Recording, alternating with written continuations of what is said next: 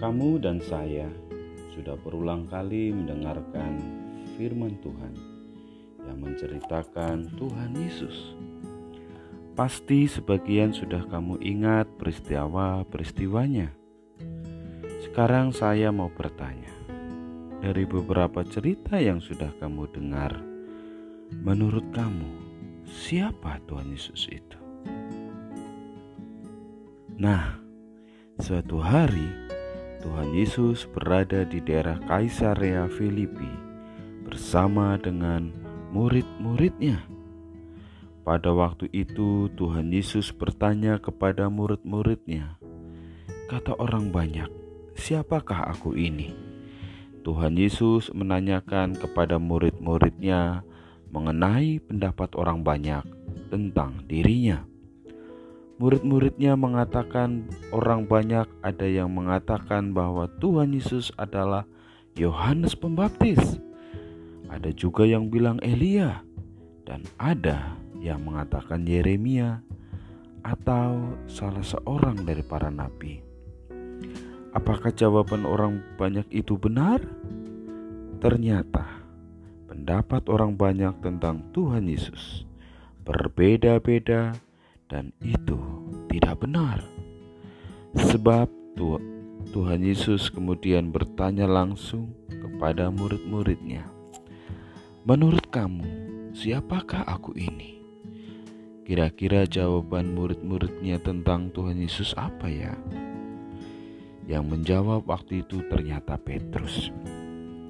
Petrus menjawab, "Engkau adalah Mesias, Anak Allah yang hidup." Benar jawaban Petrus. Tuhan Yesus adalah Mesias, anak Allah yang hidup. Kemudian Tuhan Yesus berkata kepada Petrus, "Berbahagialah engkau, Simon bin Yunus, sebab manusia yang mengatakan itu kepadamu, melainkan Bapakku yang di sorga." Jadi anak-anak pengakuan Petrus yang mengatakan bahwa Tuhan Yesus adalah Mesias, anak Allah, yang hidup berasal dari Allah sendiri. Dan itu menunjukkan bahwa Tuhan Yesus sungguh-sungguh Mesias. Namun waktu itu Tuhan Yesus melarang murid-muridnya memberitahukan kepada orang lain bahwa dia adalah Mesias. Sesudah percakapan yang penting itu, Tuhan Yesus memberitakan kematiannya. Tuhan Yesus mulai memberitakan kepada murid-muridnya bahwa Tuhan Yesus akan ditangkap di Yerusalem dan mengalami banyak penderitaan dari pihak-pihak tua-tua, imam-imam, kepala, dan ahli-ahli Taurat. Kemudian dibunuh, tetapi akan bangkit pada hari ketiga. Tuhan Yesus memberitahukan supaya murid-muridnya tahu bahwa tujuan Tuhan Yesus datang ke dunia adalah untuk menyelamatkan manusia berdosa, dan itulah tugasnya sebagai Mesias. Murid-muridnya pada waktu itu belum mengerti perkataan Tuhan Yesus. Enam hari kemudian, Tuhan Yesus mengajak Petrus, Yohanes, dan Yakobus untuk pergi ke sebuah gunung yang tinggi. Tuhan Yesus mengajak mereka berdoa di sana. Tempat itu sepi tidak ada orang lain yang ikut mendengar mereka. Hanya Tuhan Yesus dengan Petrus, Yohanes, dan Yakobus. Sementara berdoa, tiba-tiba Tuhan Yesus berubah rupa di depan mata mereka. Wajah Tuhan Yesus bercahaya seperti matahari, dan pakaiannya menjadi putih bersinar seperti terang. Wow, pasti sangat menyilaukan mata mereka, ya. Suatu penglihatan yang luar biasa dinyatakan kepada Petrus, Yohanes, dan Yakobus. Mereka diizinkan melihat kemuliaan Tuhan Yesus yang Maha Tinggi, sungguh luar biasa. Dan yang lebih mengherankan lagi, mereka melihat Tuhan Yesus berbicara dengan Musa dan Elia. Wah, pasti mengejutkan sekali. Bagaimana bisa? Musa dan Elia sudah ribuan tahun lalu meninggalkan dunia ini, tetapi bisa bercakap-cakap dengan Tuhan Yesus. Ini sebuah keajaiban besar, kemuliaan dari sorga. Musa adalah seorang yang Allah pakai untuk membawa bangsa Israel keluar dari Mesir. Seorang yang pada waktu meninggalnya dikuburkan oleh Allah sendiri. Sedangkan Elia adalah seorang nabi yang memberikan pertobatan kepada zaman raja-raja dan diangkat hidup-hidup oleh Allah, naik ke surga dengan tidak mengalami kematian. Musa dan Elia adalah orang-orang yang istimewa yang dipakai untuk memberitakan tentang kebesaran dan kasih Allah. Nah, waktu itu Tuhan Yesus bercakap-cakap dengan mereka. Apa ya yang mereka bicarakan? Ayo kita buka Lukas 9 ayat 30 sampai 31. Dan tampaklah dua orang berbicara dengan dia, yaitu Musa dan Elia. Keduanya menampakkan diri dalam kemuliaan dan berbicara tentang tujuan kepergiannya yang akan dikenapinya di Yerusalem. Anak-anak, rupanya percakapan Tuhan Yesus dengan Musa dan Elia adalah tentang tujuan Tuhan Yesus datang ke dunia. Sesuai dengan yang sudah ditulis dalam kitab Taurat dan kitab nabi-nabi atau yang kita kenal perjanjian lama bahwa Tuhan Yesus sebagai Mesias harus menderita, disalibkan dan dibangkitkan pada hari yang ketiga untuk menanggung hukuman dosa manusia supaya setiap orang yang percaya kepada Tuhan Yesus memperoleh pengampunan dosa dalam nama Tuhan Yesus. Musa dan Elia orang-orang yang hidup pada zaman perjanjian lama dan mereka mempercayai janji Allah tentang Mesias yang akan datang dan bertemu di atas gunung yang tinggi itu dan dalam kemuliaan Tuhan Yesus menunjukkan bahwa segala sesuatu yang sudah ditulis dalam perjanjian lama akan digenapi oleh Tuhan Yesus. Sementara itu Petrus, Yohanes dan Yakobus sudah tertidur dan ketika mereka terbangun, Petrus, Yohanes dan Yakobus melihat kemuliaan Tuhan Yesus. Ketika melihat hal itu, Petrus berkata kepada Tuhan Yesus, "Tuhan, betapa bahagianya kami berada di tempat ini. Jika Engkau mau, biarlah aku dirikan di sini tiga kemah, satu untuk Engkau, satu untuk Musa, dan satu untuk Elia." Dan tiba-tiba sedang berpetrus berkata-kata turunlah awan terang menaungi mereka dan dari dalam awan itu terdengar suara yang berkata, Inilah anak yang kukasihi, kepadanya lah aku berkenan, dengarkanlah dia. Wow, mengejutkan sekali. Itulah suara Allah, Bapa yang menegaskan bahwa Tuhan Yesus adalah Mesias, anak Allah yang sudah ditetapkan menjadi juru selamat, dan perkataannya harus didengarkan Mendengar perkataan itu, Petrus, Yohanes, dan Yakobus tersungkur. Mereka ketakutan. Ya, kemuliaan Allah yang agung pasti menakutkan, dan manusia yang berdosa tidak dapat tahan melihat kemuliaan Allah. Lalu Tuhan Yesus datang kepada mereka dan menyentuh mereka sambil berkata, "Berdirilah, jangan takut." Dan ketika mereka mengangkat kepala, wow, ke mana Musa dan Elia, ternyata sudah tidak ada. Yang ada hanya Tuhan Yesus sendiri dengan wajah dan bajunya yang biasa kembali. Tidak ada lagi cahaya terang yang menyilaukan. Segera mereka turun dari gunung, sementara mereka berjalan. Tuhan Yesus melarang menceritakan peristiwa itu. Tuhan Yesus berpesan agar Petrus Yohanes dan Yakobus tidak menceritakan apa yang mereka lihat di atas gunung kepada siapa pun sebelum Tuhan Yesus dibangkitkan dari antara orang mati. Tuhan Yesus sangat mengetahui waktu yang tepat untuk menyatakan dirinya di sebagai Mesias. Jadi Tuhan Yesus mau supaya murid-muridnya tidak mengatakan apa-apa dari peristiwa di atas gunung itu sebelum semua yang tertulis tentang Tuhan Yesus digenapi di Yerusalem. Nah, adik-adik, Hari itu pastilah Petrus, Yohanes, dan Yakobus sangat berbahagia karena telah melihat kemuliaan Tuhan Yesus yang luar biasa. Meskipun sering kali mereka banyak belum mengerti maksud perkataan Tuhan Yesus, tetapi mereka sudah diyakinkan bahwa Tuhan Yesus sungguh Mesias, Allah yang hidup.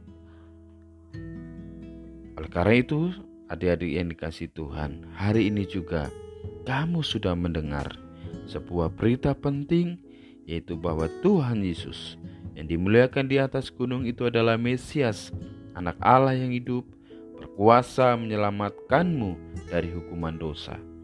Dalam kisah para rasul 10 ayat 43 dikatakan, tentang dialah semua nabi bersaksi bahwa barang siapa percaya kepadanya, ia akan mendapat pengampunan dosa oleh karena namanya.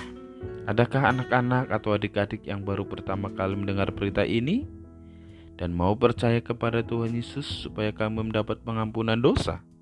Jika kamu mau percaya, kamu bisa berdoa dalam hati. Bagi kamu yang sudah percaya kepada Tuhan Yesus, marilah kita memuji dan mengagungkan namanya yang mulia. Berikanlah hidupmu untuk memuliakan Tuhan Yesus. Dengarkan dan taatilah firman Tuhan. Amin.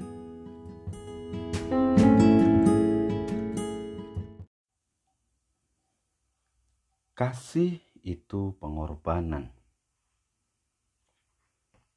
Ada seorang kakak bernama Doni. Doni mempunyai adik yang bernama Dona. Doni sekarang sudah kelas 5 SD. Dia anak yang rajin, juga anak yang pintar. Doni terlahir di keluarga yang biasa-biasa saja. Dia sudah satu tahun ini ingin mempunyai sepeda. Karena selama ini dia setiap hari berangkat dan pulang harus berjalan kaki ke sekolahnya. Oleh karena itu, Doni mempunyai niat, keinginan untuk membeli sepeda. Maka dia kemudian membuat celengan yang terbuat dari bambu. Dia mengambil bambu, gergaji, kemudian membuat lubang pada bambu tersebut.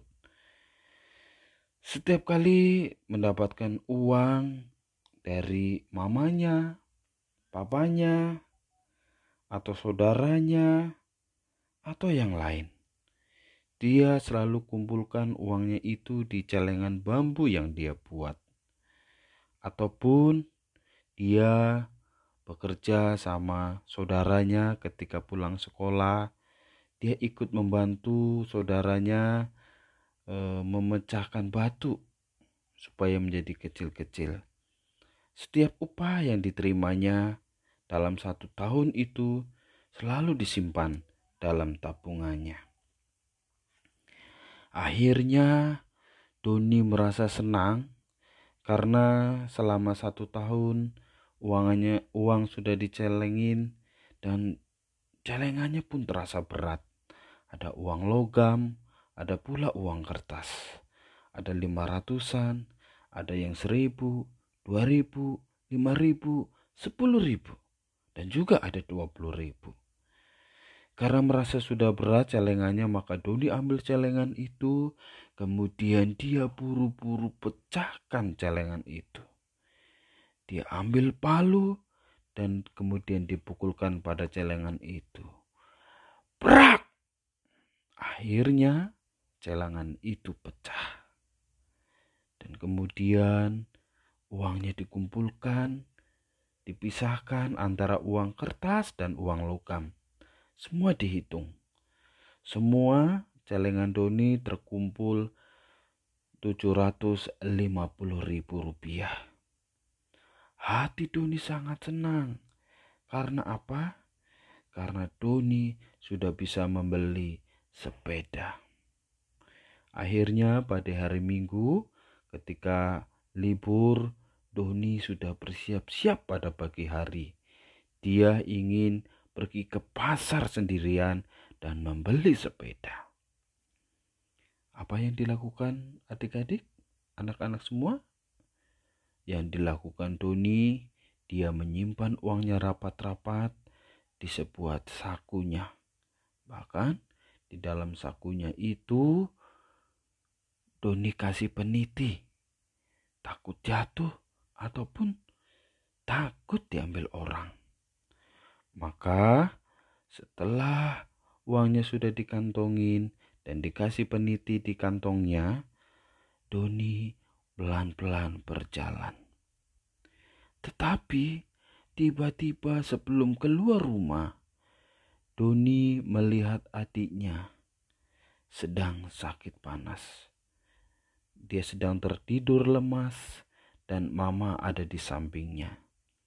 Kemudian mamanya bertanya kepada Doni, Doni, mau ke mana kamu pagi-pagi benar? Kemudian Doni menjawab, Mama, aku mau ke pasar, mau membeli sepeda. Celenganku sudah aku pecah dan semuanya ada 750 ribu rupiah. Kemudian mamanya dengan muka memelas dia berkata kepada Doni, Doni, adikmu sudah tiga hari sakit panas. Belum dikasih obat, belum juga dibawa ke dokter. Mama dan papa tidak punya uang untuk ke dokter. Bolehkah mama pakai dulu uang kamu? Nanti kalau mama dan papa ada uang, Pasti mama ganti supaya kamu bisa beli sepeda. Demikianlah kata-kata yang disampaikan mamanya dengan sedih, bahkan dengan menitikan air mata. Karena kita tahu bersama kalau anak sudah tiga hari panas, tidak dibawa ke dokter, bisa berakibat fatal, bisa bahaya. Doni pun bingung antara beli sepeda atau uangnya untuk berobat adiknya. Doni belum sempat keluar rumah, tetapi dia hanya berjalan mondar mandir, bolak-balik, keluar masuk kamar, ke dapur, ke ruang tamu, dan sesekali melihat Doni, adiknya yang sedang sakit panas. Doni terus berpikir keras. Apa yang harus dilakukan? Kalau aku beli sepeda, aku bisa jalan putar-putar. Aku bisa keliling kampung. Aku bisa ajak adikku naik sepeda. Aku bisa naik sepeda ke sekolah. Gak harus capek jalan kaki. Aku kan sudah menabung selama satu tahun. Ini semua karena aku simpan semua uang yang aku terima. Tapi di sisi lain, Doni juga berpikir, kalau aku beli sepeda, tetapi adikku harus ke rumah sakit, maka tentunya membutuhkan biaya yang besar. Mama dan papa sedang tidak punya uang. Doni jadi bingung antara beli sepeda atau adiknya ke dokter. Kemudian Doni kembali masuk ke sebuah ke kamarnya dan dia mendapatkan ide yang baru. Dia ingin menolong adiknya. Walaupun berat, tetapi dia berpikir, sepeda kapan lagi bisa dibeli. Tetapi kalau adiknya sakit, kalau tidak pergi ke dokter, adiknya bisa sakit parah. Oleh karena itu dia keluar kamar, tidak lagi dengan bingung, tidak lagi dengan sedih, tetapi dia dengan senang dan dia menuju ke mamanya. Mama, mama, begini deh, beli sepeda bisa beli kapan saja. Tapi Doni harus, adikku harus dibawa ke dokter. Kalau enggak, nanti adikku semakin parah. Nanti mama dan papa bisa keluar uang banyak lagi. Sementara mama dan papa belum punya uang. Melihat keceriaan Doni dan tanpa bingung lagi mamanya pun mengucapkan terima kasih. Doni, terima kasih ya. Hatimu sangat baik sekali. Mama senang kamu sayang adik, kamu patuh sama orang tua, dan kamu mau berbakti sama orang tua. Kita bawa ke dokter yuk adik kamu. Dan nanti kalau ada uang, kita beli sepeda buat kamu. Nah adik-adik, menurut kamu Doni baik atau tidak? Iya, Doni baik. Dia sayang dan dia mengasihi adiknya. Dan Doni juga adalah anak yang patuh kepada orang tua. Dia mengerti apa yang harus dilakukan. Bagaimana dengan kamu? Belajarlah dengan Doni. Terima kasih.